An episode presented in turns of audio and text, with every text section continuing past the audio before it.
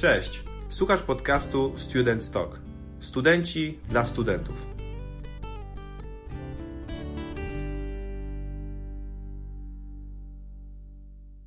Cześć Julka. E, studiujesz w Poznaniu na kierunku stosunków międzynarodowych. I generalnie Twoim głównym tematem jest imigracja i uchodźcy. I teraz nie będę rzucał dalej żadny, żadnymi faktami. Opowiedz o sobie. Okej, okay, cześć wszystkim. E, ja nazywam się Julia i bardzo dziękuję i cieszę się, że mogłam się tutaj znaleźć. E, dziękuję Mateusz za zaproszenie. E, ja jestem osobą, która interesuje się działalnością społeczną w dużym uproszczeniu. W ostatnim czasie zaczęłam troszkę więcej działać w temacie osób z doświadczeniem uchodźczym. Miałam okazję być w Usnarzu Górnym i na granicy polsko-białoruskiej a poza tym całe serce wkładam w studiowanie e, takich tematów jak prawa człowieka, e, czy też e, jestem współzałożycielką grupy nieformalnej Globalna Wioska, której zajmujemy się popularyzacją edukacji globalnej. Myślę, że to jest najbardziej syntetyczny opis tego, czym się w tym momencie zajmuję i co mnie najbardziej interesuje. E, ogółem e, wydaje mi się, że najważniejszym w moim życiu w tym momencie jest e, kampaniowanie na rzecz praw człowieka i staranie się dzielę, staram się dzielić wrażliwością z moim otoczeniem. Super. E, dalej będziemy też przechodzić przez te takie tematy typu prawa człowieka i tak dalej. E, jedna tylko rzecz a propos tej globalnej wioski. Dla osób, które byłyby zainteresowane, jest też podcast. E, globalny podcast. tak, tak się nazywa, możecie znaleźć też na Spotify'u. Globalny podcast, także możecie sobie zajrzeć. I żeby zacząć ten temat tej imigracji, bo głównie teraz patrząc też na to po prostu, co się dzieje przy granicy, to co się wydarzyło z tymi uchodźcami, którzy teraz po prostu próbują przedostać się do naszego kraju, to chciałbym z Tobą zacząć od takiego tematu. Czym albo jaka jest różnica pomiędzy e, uchodźcą, uchodź, uchodźczynią, a pomiędzy imigrantem, imigrantką? Osoba, w ogóle możemy to określić, te wszystkie osoby jako osoby migrujące, e, ale faktycznie, tak jak wspomniałeś, są e, różnice pomiędzy tymi danymi terminami. E, najprościej mówiąc, emigrant e, to jest osoba, która e, czasowo lub na stałe opuszcza nasze państwo, żeby osadzić się, zamieszkać, przebywać na terenie innego. Imigrant to jest osoba, która przybywa do nas, a osoba z doświadczeniem uchodźczym to jest zupełnie inna kategoria osób migrujących. To są osoby, które opuszczają teren swojego państwa e, ze względu na różnego typu e, prześladowania. E, I to może być zagrożenie życia, zdrowia, wolności, to może być konflikt zbrojny, prześladowania etniczne. I co jest bardzo, ale to bardzo ważne, osobą uchodźczą, osobą z doświadczeniem uchodźczym jest osoba, która nie może znaleźć bezpieczeństwa i ochrony we własnym państwie i dlatego właśnie musiała je opuścić. E, to jest niezwykle ważne, na przykład jak mówimy o osobach migrujących z państw, e, na których terytorium tylko części odbywa się jakiś konflikt zbrojny. Dlatego na przykład nie zawsze nazwiemy osobę e, pochodzącą z Ukrainy osobą z doświadczeniem uchodźczym, tylko prędzej mówimy, że jest to właśnie osoba migrująca, imigrant. Okej, okay, okej. Okay. Czyli tutaj, jeżeli mówimy o, uchodźcach, tutaj jest na przykład, że, można tak powiedzieć, jest forma, że te osoby zostały po prostu przybite do ściany i muszą uciekać, dlatego że mogą po prostu zginąć. Nie, nie, nie są w stanie żyć w kraju, w którym się urodziły. A jeżeli mówimy o właśnie tutaj emigrantach, imigrantach, to mówimy o osobach, które po prostu chcą, mogą, podążają za lepszą edukacją, za lepszymi finansami, a niekoniecznie za tym, że są prześladowane. Okej, okay. to, e, tak, to teraz. Właśnie tak. Okay. to teraz taki, taki temat. Dlaczego um, osoby, które ze wschodu najczęściej imigrują, uciekają e, z tamtych rejonów, podróżują na przykład do Niemiec? A czemu nie do Polski? Czemu nie do Francji? Czemu Niemcy są lepsze? Tu y, są różne kwestie bardzo często z tym związane. Po pierwsze, jakby kwestia samej integracji osób z doświadczeniem uchodźczym czy osób migrujących. A druga kwestia, myślę, która jest kluczowa, to jest samo wyobrażenie na temat Niemiec, które e, otrzymują osoby z innych części świata. To jest bardzo ważne. E, na przykład, jeżeli też dzisiaj mówimy o kryzysie na granicy polsko-białoruskiej. E, osoby, które e, bardzo często sprzeciwiają się wpuszczaniu osób migrujących do Polski, używają tego argumentu, że te osoby chcą przecież dostać się do Niemiec, im wcale nie zależy na tym, żeby znaleźć się w Polsce. I to wynika z tego, że bardzo często też przemytnicy i handlarze ludźmi tworzą taki wizerunek Niemiec i e, później to też e, dostaje się do tej ogólnej świadomości. E, bardzo często te przekazy medialne, e, takie zachęcające właśnie do migrowania, e, wykorzystywane przez przemytników, nawet czasami na TikToku, dochodzi do tego, że e, takie przekazy są tworzone. E, buduje się właśnie wizerunek e, państwa niemieckiego jako troszkę takiej utopii dla tych osób, w których mogą oni znaleźć lepsze życie. I myślę, że to z jednej strony jest kwestia tego wyobrażenia, ale z drugiej strony jest to też kwestia, jakby nie patrzeć, samego sposobu, z jakimi państwo niemieckie radzi sobie z osobami, które przybyły mm, do ich ojczyzny, ze względu na to, że e, Niemcy, jakby nie patrzeć, przyjęli ponad milion e, osób po tym, możemy to nazwać kryzysem, ale no nie do końca, ja nie lubię bardzo tego określenia, z 2015 roku. E, I jak możemy spojrzeć w te statystyki, ostatnio widziałam, że było takie podsumowanie, jak sobie Niemcy z tą sytuacją poradzili. E, I poradzili sobie ponoć e, bardzo dobrze. Więc możemy też powiedzieć, że to ma takie uzasadnienie już stricte związane z tym, jak niemieckie państwo sobie radzi z osobami, które do nich przyjeżdżają.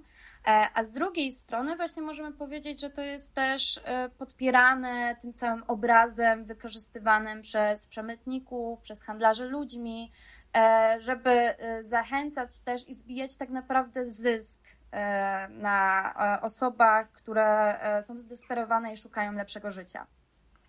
Okej. Okay. Wspomniałaś też tutaj podczas, podczas tego, tej rozmowy, wspomniałaś o tym, co się teraz dzieje na granicy przed naszą rozmową e, powiedziałaś, że teraz skupiasz się na właśnie takim artykule, dlaczego to, co dzieje się na granicy, na przykład polsko-białoruskiej, ma wpływ na nas, na wszystkich teraz, w tym momencie. Dlaczego tak jest? E, to można też nawet troszeczkę nawiązać e, do tego poprzedniego pytania o państwo niemieckie, Możemy sobie zadać pytanie, dlaczego e, w państwie niemieckim sobie z tym poradzili, a my boimy się przyjąć nawet e, dwóch, dwa tysiące, kilka tysięcy osób. I już opowiadam, dlaczego w moim przeczuciu i z moich obserwacji temat e, osób z doświadczeniem uchodźczym, osób migrujących na granicy polsko-białoruskiej dotyczy nas wszystkich. W tym momencie, z czego wiele osób sobie nie zdaje sprawy, E, osoby, e, które przekraczają granicę polsko-białoruską, są zamknięte w pułapce. E, to są osoby, które nie mogą z jednej strony wydostać się ze strony państwa białoruskiego, ze względu na to, że służby graniczne białoruskie ich zatrzymują i pod groźbą przemocy nie pozwalają im przejść ani do legalnych punktów granicznych, ani e, nie pozwalają im wrócić e, do, w głąb Białorusi. Nie mogą na przykład e, kupić biletu na samolot i wrócić do swojego kraju. Z drugiej strony, ze strony polskiej, te osoby również nie mogą się wydostać, ze względu na to, że Straż Graniczna w momencie, kiedy na taką osobę natrafi, po wprowadzeniu zmian z 20 sierpnia 2021 roku z rozporządzenia, Straż Graniczna te osoby z powrotem wywozi do lasów. W momencie, kiedy zamiast przyjąć je na placówkę Straży Granicznej, te osoby są wywożone i przepycha się je na y, stronę białoruską. I jesteśmy w tym momencie w sytuacji, kiedy mnóstwo osób nie jest w stanie wydostać się z lasu ze względu na to, że są przetrzymywani zarówno przez służby polskie i służby e, białoruskie. Mm, I to jest sytuacja, w której niestety mamy do czynienia z torturami i z zagrożeniem życia.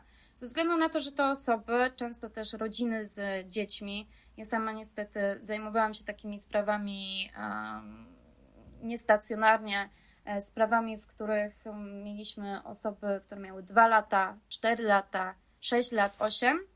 E, I te osoby bez jedzenia, bez wody, bez e, dachu nad głową muszą się błąkać po polskich i białoruskich lasach. Jest pełno nagrań już w tym momencie w internecie, zarówno polskim, jak i na telegramie z państw bliskowschodnich, E, pełno nagrań, jak osoby e, po prostu siedzą w takich mini obozach, e, siedzą w mini obozach w kilkanaście osób przy małym ognisku i nie wiem, śpią na ziemi, w śpiworach, bez śpiworów i widać, że mają bardzo brudne ubrania. I to wszystko w ogóle jest sytuacją, w której możemy mówić o kryzysie humanitarnym to się dzieje obok nas. Nawet, przepraszam, to nie dzieje się obok nas, to się dzieje na terytorium naszego kraju. E, I o co w tym wszystkim chodzi? E, te osoby w myśl prawa międzynarodowego nie powinny być tak traktowane. E, I dlaczego dotyka nas to wszystkich jako społeczeństwo? Dlatego, że to zmienia nas w wymiarze społecznym. Obojętność na życie drugiego człowieka Nieważne, czy dzieje się to 2000 kilometrów dalej, czy dzieje się to za oknem naszego domu, jest bardzo niebezpiecznym sygnałem. To jest pierwsza rzecz. W wymiarze społecznym obojętność na taką sytuację jak kryzys humanitarny, jak umieranie ludzi w lasach i mówienie, że to jest ich wina, że się tam znaleźli, E, to jest pewien, e, pewne przyzwolenie na przemoc. A e, i Erich Fromm to pisał, i wiele innych osób. Przyzwolenie na przemoc sprawia, że społeczeństwo podąża w bardzo, bardzo niebezpiecznym kierunku. I to jest pierwsza rzecz. Możemy też to stwierdzić zresztą na podstawie badań i na podstawie statystyk, ze względu na to, że po kryzysie w 2015 roku, kiedy też była taka kampania nienawiści wobec osób migrujących, e, te statystyki zwiększyły się o naprawdę e, kilkukrotność e, w stosunku do roku 2013. Jaka, jakie statystyki? Statystyki przestępstw nienawiści na tle rasowym, etc., etc. Więc niestety taka kampania strachu i przerażenia, jaka jest teraz uprawiana w polskich mediach, z jednej strony zmienia nas, nas nasze społeczeństwo, bo e, stajemy się obojętni i wśród wielu z nas, ze względu na to, że mamy wrażenie, że tu chodzi o nasze bezpieczeństwo, wielu z nas wyzwala to przemoc. E, drugą kwestią jest to, że jest bardzo dużo dezinformacji w mediach i to również wpływa na nasze umiejętności e, słusznej oceny E, czy coś jest prawdziwe, czy coś jest negatywne, czy coś jest fałszywe.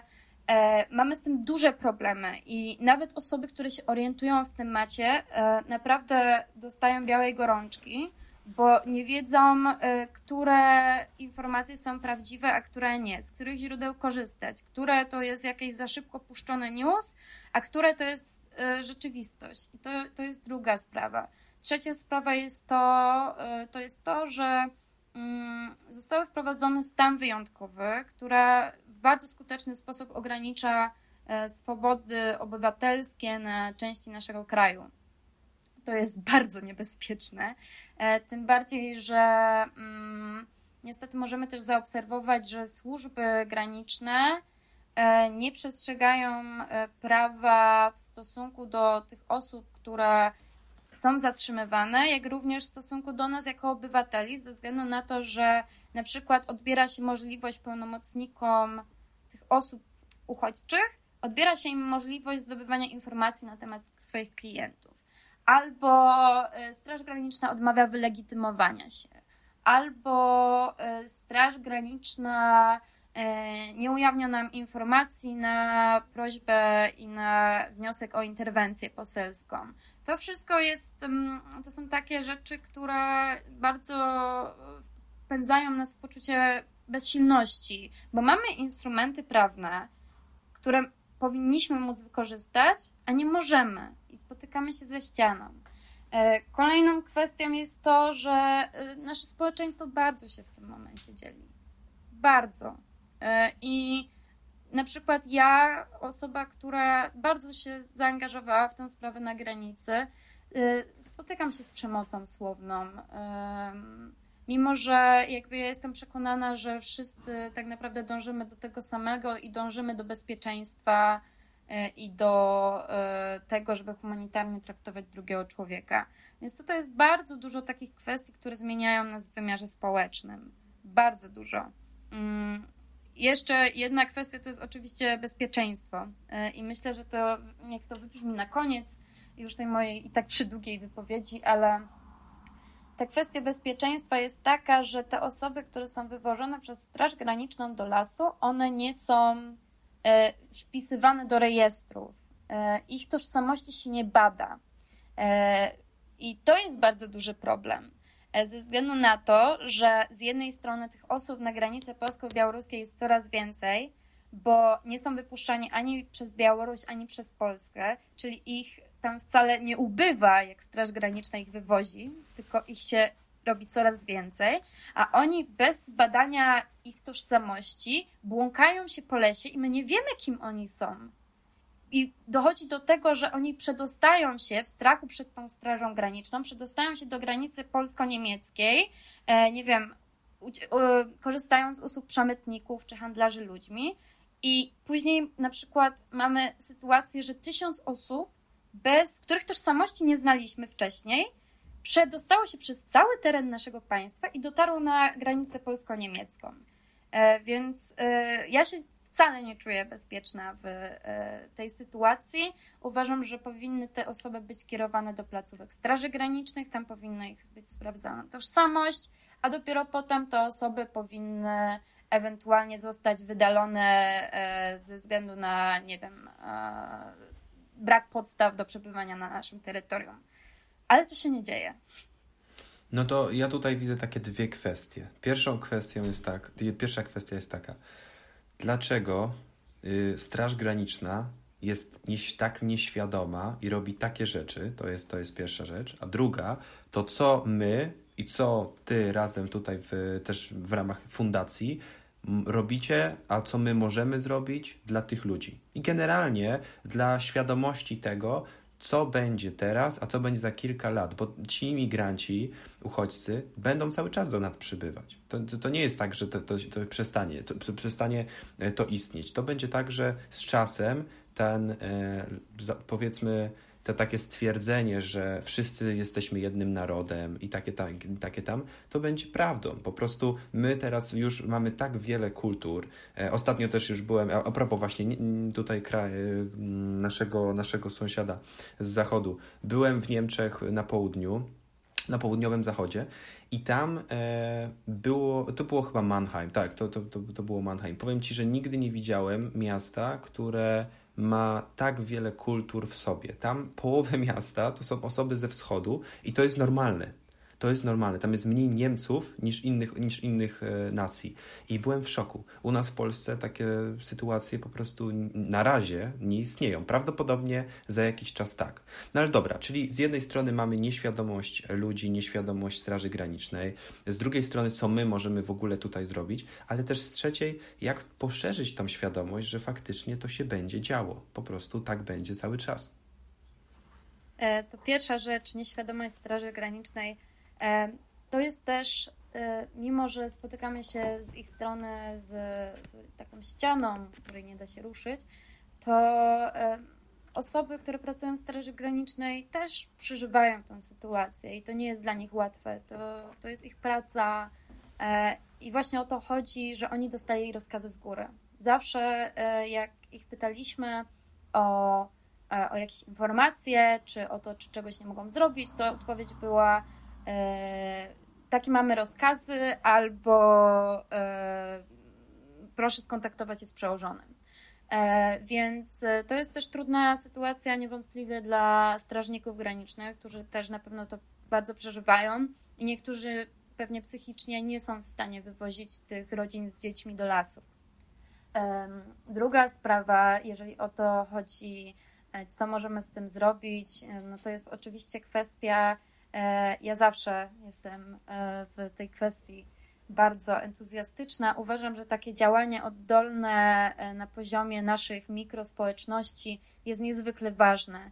E, czasami to może być e, organizacja spotkania ze specjalistami, który by oświadamiał na ten temat, zbiórka charytatywna, nie wiem, wsparcie jakiejś organizacji pozarządowej pomagającej osobom uchodźczym E, w Twoim otoczeniu. Możliwości jest bardzo dużo. E, na pewno warto śledzić e, organizacje pozarządowe, takie jak Fundacja Ocalenie, jak Chlebem i Solą, Homo Faber, Salam Lab i różnych aktywistów, na których profilach też jesteśmy w stanie znaleźć dużo informacji, jak można działać lepiej, czy jak można w ogóle działać.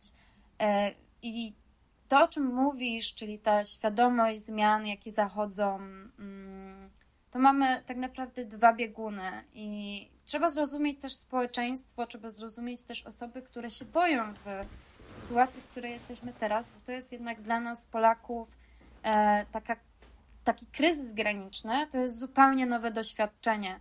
I my wcześniej nie mieliśmy z tym do czynienia, a po drugie, my jesteśmy państwem w tym momencie bardzo homogenicznym e, i wiele osób nie ma doświadczeń z osobami z innych kultur, e, na przykład kultur pozaeuropejskich.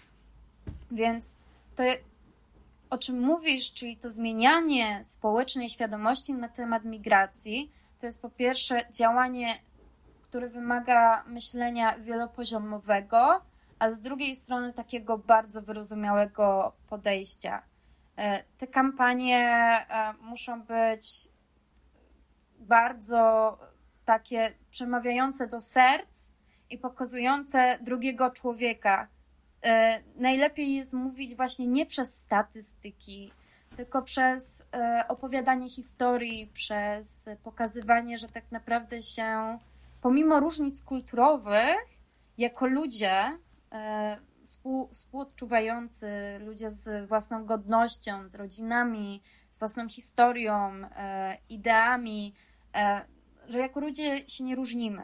E, nawet jeżeli wyznajemy różne religie, etc., etc.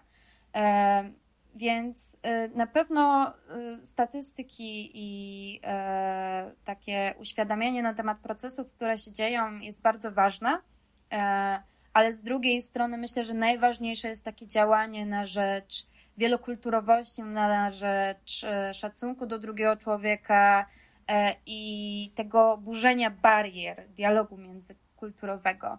E, bo jeżeli pokażemy ludziom te historie i nie będziemy mówić przez e, fakty tylko i wyłącznie, ale też przez serce, to zdecydowanie do większej ilości liczby ludzi w Polsce to przemówi.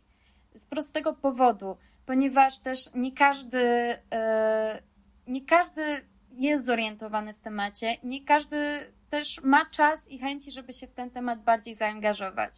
A najłatwiej jest komuś pokazać coś, jak on tego sam doświadczy.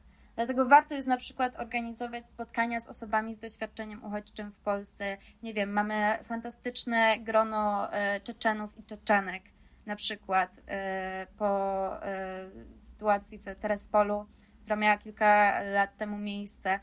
Mamy też pełno osób, które pracują przecież z Indii, czy nawet, nawet już na takim poziomie, czy mamy też wspólnoty muzułmańskie, z którymi spotkania też mogą być niezwykle, e, niezwykle ciekawe i niezwykle takie rozwijające.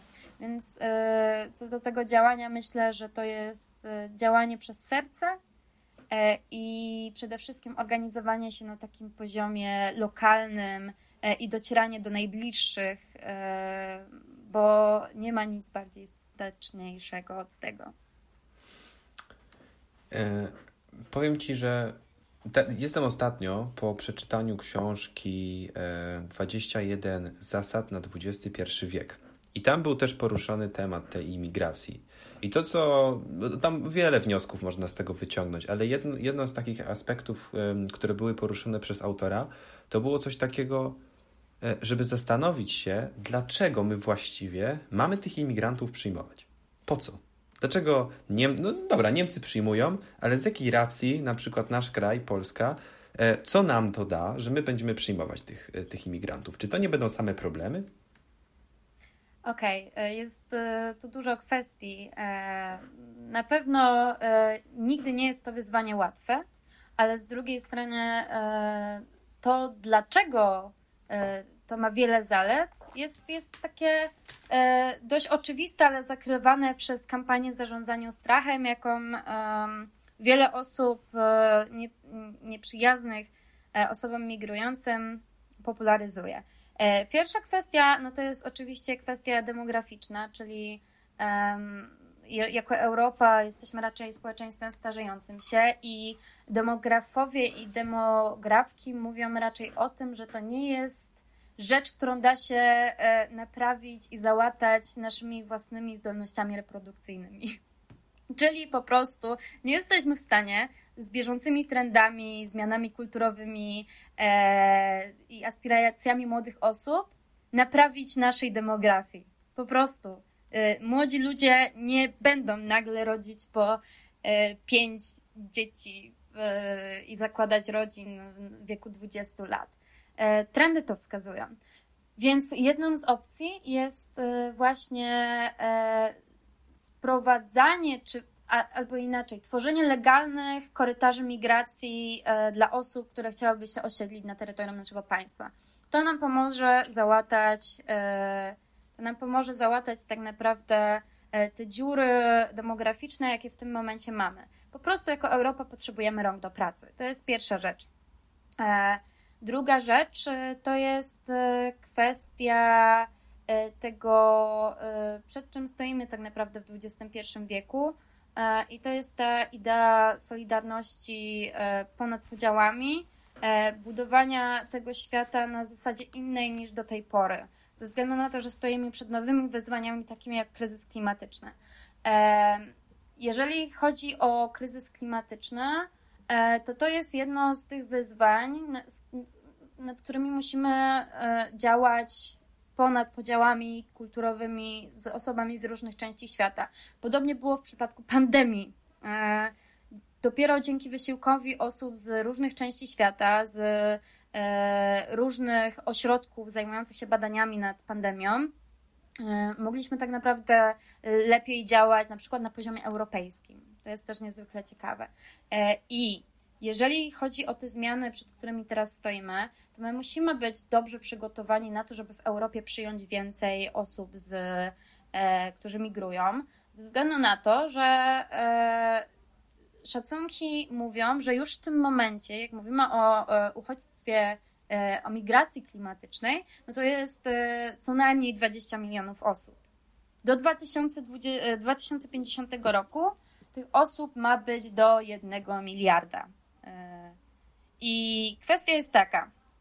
My w tym momencie, jako bogate państwa północy, przyjmujemy jedynie 14% wszystkich uchodźców dookoła świata. 14%. Osoby w e, gorszej kondycji finansowej, e, w e, globalnym południu, w części globalnego południa, przyjmują tych osób 86%. Te państwa mierzą się dzisiaj i borykają z nie tyle problemami mm, że, że te osoby w ogóle są, tylko problemem, problemem jest to, że tych osób jest o wiele za dużo, jak na ich zdolności ekonomiczne. E, bo co innego jak, e, nie wiem, milion osób przyjmuje Bangladesz, a w tym momencie coś takiego się dzieje, ponieważ e, ofiary ludobójstwa Rohingjów e, uciekły głównie do Bangladeszu. Co innego jak taki Bangladesz, który jest jednym z biedniejszych państw świata, przyjmuje ponad milion osób, a co innego, jak przyjmuje, przyjmują e, je Niemcy. Więc to jest kolejna kwestia, dlaczego e, tych e, imigrantów warto przyjmować. No to jest kwestia po prostu zmiany, zmiany rzeczywistości, w której się znajdujemy. Taka konieczność też wzięcia odpowiedzialności za to, do czego się przyczyniliśmy tak naprawdę jako Europa, bo wiele z tych państw globalnego południa jest biednych właśnie z powodu kolonializmu, wyzysku i, i e, takiego postępującego w dalszym ciągu, jakie możemy zaobserwować na przykład w państwach afrykańskich, które są niestety uzależnione od swoich byłych kolonizatorów bardzo często. E, trzecią kwestią jest oczywiście taka kwestia wrażliwości społecznej. Ostatnio mnie e, bardzo zaskoczyły takie badania e, na temat w ogóle, bo starałam się dojść do tego, czy faktycznie osoby migrujące sprawiają, że jest więcej zamachów terrorystycznych, że jest więcej przestępczości. O dziwo, wszystkie badania, które znalazłam, mówiły mi, że, że to nie jest bezpośrednio związane ze sobą że jak będzie więcej migrantów, to będzie mm, więcej zamachów terrorystycznych. E, nie trafiłam też na żadne badanie, które potwierdzałoby mi to, że jest e, w 100% jakby wyższa e, przestępczość w kraju, który przyjmuje bardzo dużo osób uchodźczych, który przyjmuje dużo osób migrujących. E, spotkałam się za to z ciekawym badaniem, które pokazywało, że w państwach, w których jest taka dość liberalna polityka migracyjna, gdzie się tych osób przyjmuje po prostu więcej, w tych państwach jest niższy procent zabójstw e, niż w państwach, które e, migrantów wypychają, co jest też bardzo ciekawe. I osoby komentujące to badanie poczyniły takie spostrzeżenie, że to może być kwestia po prostu wrażliwości społecznej E, że w państwie, w którym ta wrażliwość społeczna występuje, jest e, po prostu też mniejsza tendencja do przemocy, e, do takiej totalnej brutalności. I to jest taka szersza w ogóle dyskusja na temat tego, dlaczego potrzebna nam jest ta wielokulturowość. I dlaczego ona pomaga zrozumieć nie tylko te osoby, E, które są z innych części świata, ale mi się wydaje, że wielokulturowość i to przyjmowanie migrantów pomaga nam lepiej zrozumieć samych siebie. I też e, pomaga na przykład ujawnić to, jak jesteśmy przez całe życie karmieni stereotypami, jak łatwo dajemy się czasami ponieść emocjom i mamy błędne wyobrażenie kogoś, kogo nie spotkaliśmy, nie porozmawialiśmy z nim w cztery oczy. I e, dlatego myślę, że to jest kolejna kwestia, poza tymi kwestiami czysto ekonomicznymi, e, czy kwestiami po prostu odpowiedzialności. Wydaje mi się, że ta wrażliwość społeczna i lepsze rozumienie świata to jest też taki trzeci bardzo ważny filar. To, co mogę powiedzieć e, a propos tego, załóżmy, że mogę coś wyciągnąć, jakieś wnioski teraz z rozmowy z Tobą i też z elementów, które po prostu, których się nauczyłem ostatnio, czy to czytając, czy to oglądając, czy trochę spędzając czasu u, u mnie w pracy, to można, można tak pomyśleć, że to nas teraz nie dotyczy, może to będzie kiedyś, może to za 30 lat będzie nas dotyczyło. Prawda jest jednak taka, że to jest naturalny ruch. I tutaj mamy dwie strony. Jedna strona jest taka, dobra, będziemy się blokować, nie ma opcji, nie będziemy wpuszczać nikogo do naszego kraju. E, niestety to nie zadziała w tym momencie. Mamy, jest ta druga strona, której ja jestem też zwolennikiem, czyli naturalnym ruchem jest to, że aglomeracje, powiedzmy Warszawa, u nas w Polsce tak, Warszawa, Łódź, Poznań, to są miejsca, które za lata, załóżmy za 10, 20, 30, będą miały miliony mieszkańców i to nie chodzi tylko o nas, o, o nas samych, czyli o Polaków, czyli to nie chodzi tylko o opuszczanie wiosek i y, przemieszczanie się do miast. To chodzi po prostu to, co ty też wiele razy wskazywałaś, o tą wielokulturowość. Dzieje się to w Niemczech, dzieje się to już powoli w innych krajach Zachodu. Dlaczego to ma się nie wydarzyć u nas? To będzie naturalny ruch, że my też będziemy tych ludzi przyjmować.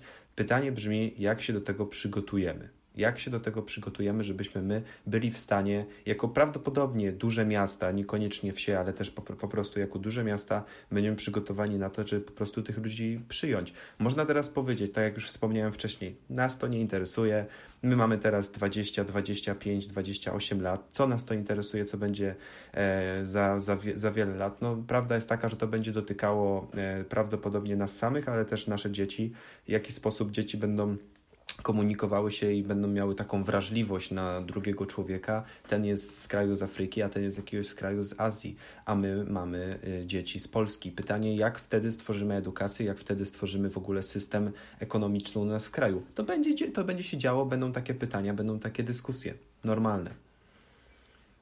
Tak, zdecydowanie tak. E, ja powiem jeszcze w tej kwestii, no, powinno nam przede wszystkim zależeć na tym, żeby zbudować lepszy system integracyjny i żeby zmieniać to myślenie naszego społeczeństwa na temat migracji, właśnie dlatego, o czym powiedziałeś. Dlatego, że to jest nieuniknione, że te osoby będą e, do nas przyjeżdżać.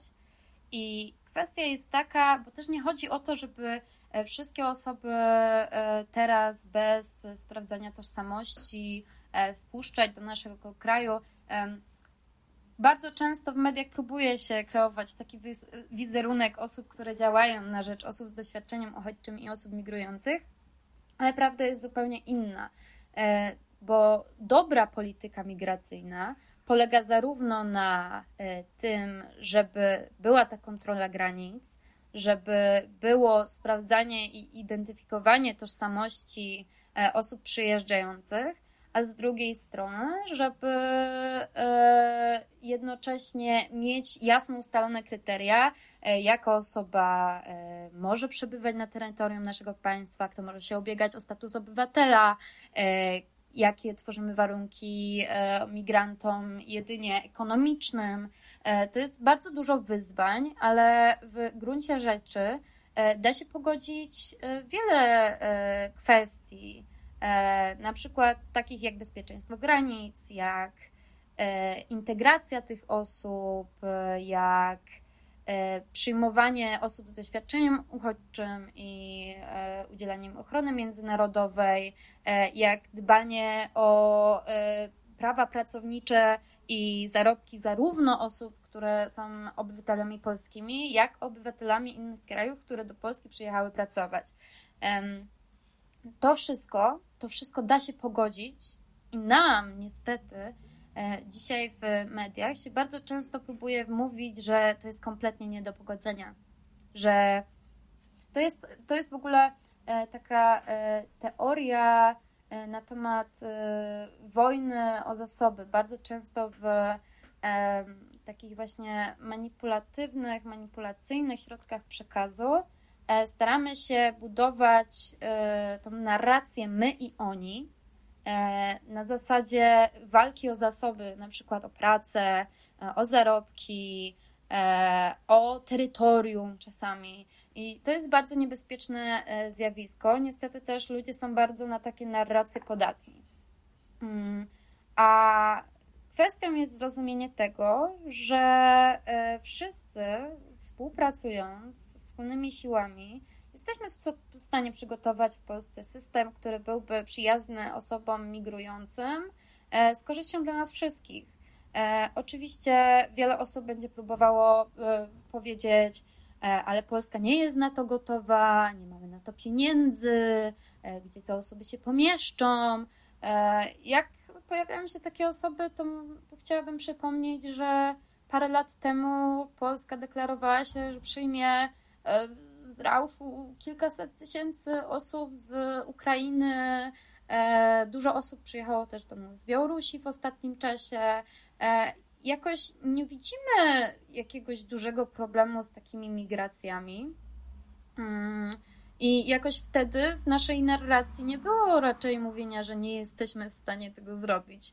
E, pytanie tylko, czym różni się e, to w stosunku do sytuacji, którą mamy teraz, kiedy kilka tysięcy osób próbuje dostać się na terytorium naszego kraju, a my mówimy, że to jest zagrożenie dla naszego całego systemu, że jak my przecież te osoby pomieścimy. E, w skali 36-milionowego państwa to jest naprawdę liczba osób, której my nawet nie zobaczymy i większość z nas nie będzie w stanie nawet zobaczyć na ulicy.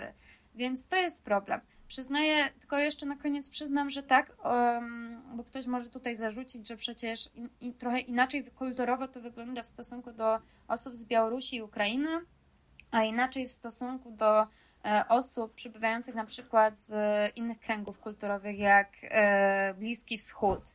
Ale ja wtedy powiem e, jedną rzecz i powiem, że to jest kwestia właśnie dobrej integracji.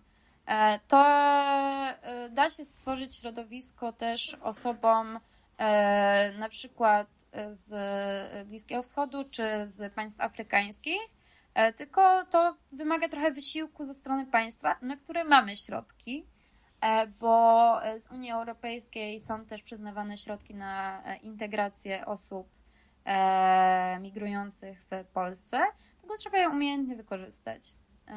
Inaczej E, inaczej po prostu nie jesteśmy w stanie e, dzisiaj funkcjonować, niż inwestując w e, politykę migracyjną. Bo to jest coś, czego nie da się w tym momencie zatrzymać, i to nie jest tylko i wyłącznie kwestia wyzwań, przed którymi stoimy, tylko naturalnych procesów globalizacyjnych. Julka, będziemy powoli już kończyć. Dzisiaj zrobimy troszkę taki krótszy odcinek, E, to jest spowodowane tym, że po prostu chciałem z Tobą poruszyć ten temat generalnie imigracji. Dla mnie to był bardzo ciekawy temat. Wiem, że Ty w tym siedzisz po prostu od wielu, wielu miesięcy. Jesteś, e, no, nawet Twoja praca licencjarska, do której się teraz przygotowujesz, też jest w tych tematach. E, czy, czy, czy mogłabyś na koniec powiedzieć do osób, które nas słuchają, podać takie przykłady, e, trochę już wspomniałaś o tym, ale żebyśmy sobie to podsumowali, przykłady jakichś źródeł, z których możemy czerpać właśnie informacje, jeżeli chodzi tutaj o te tematy imigracji. E, jeżeli ktoś chce e, najbliżej i tak w kontekście swojego otoczenia myśleć, no to ja bym chciała najbardziej polecić specjalistów, którzy zajmują się tym tematem od wielu lat i to jest, e, są właśnie organizacje pozarządowe, które działają w Polsce.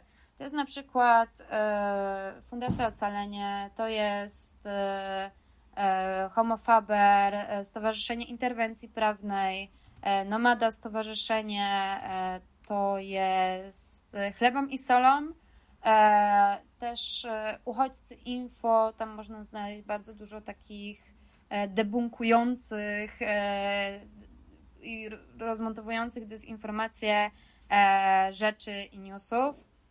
Mm, są też e, takie portale dziennikarskie, jak na przykład salamlab.pl.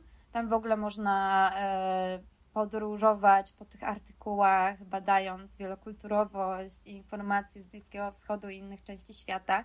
Takie dość niecodzienne informacje, których normalnie w polskich mediach nie zobaczymy.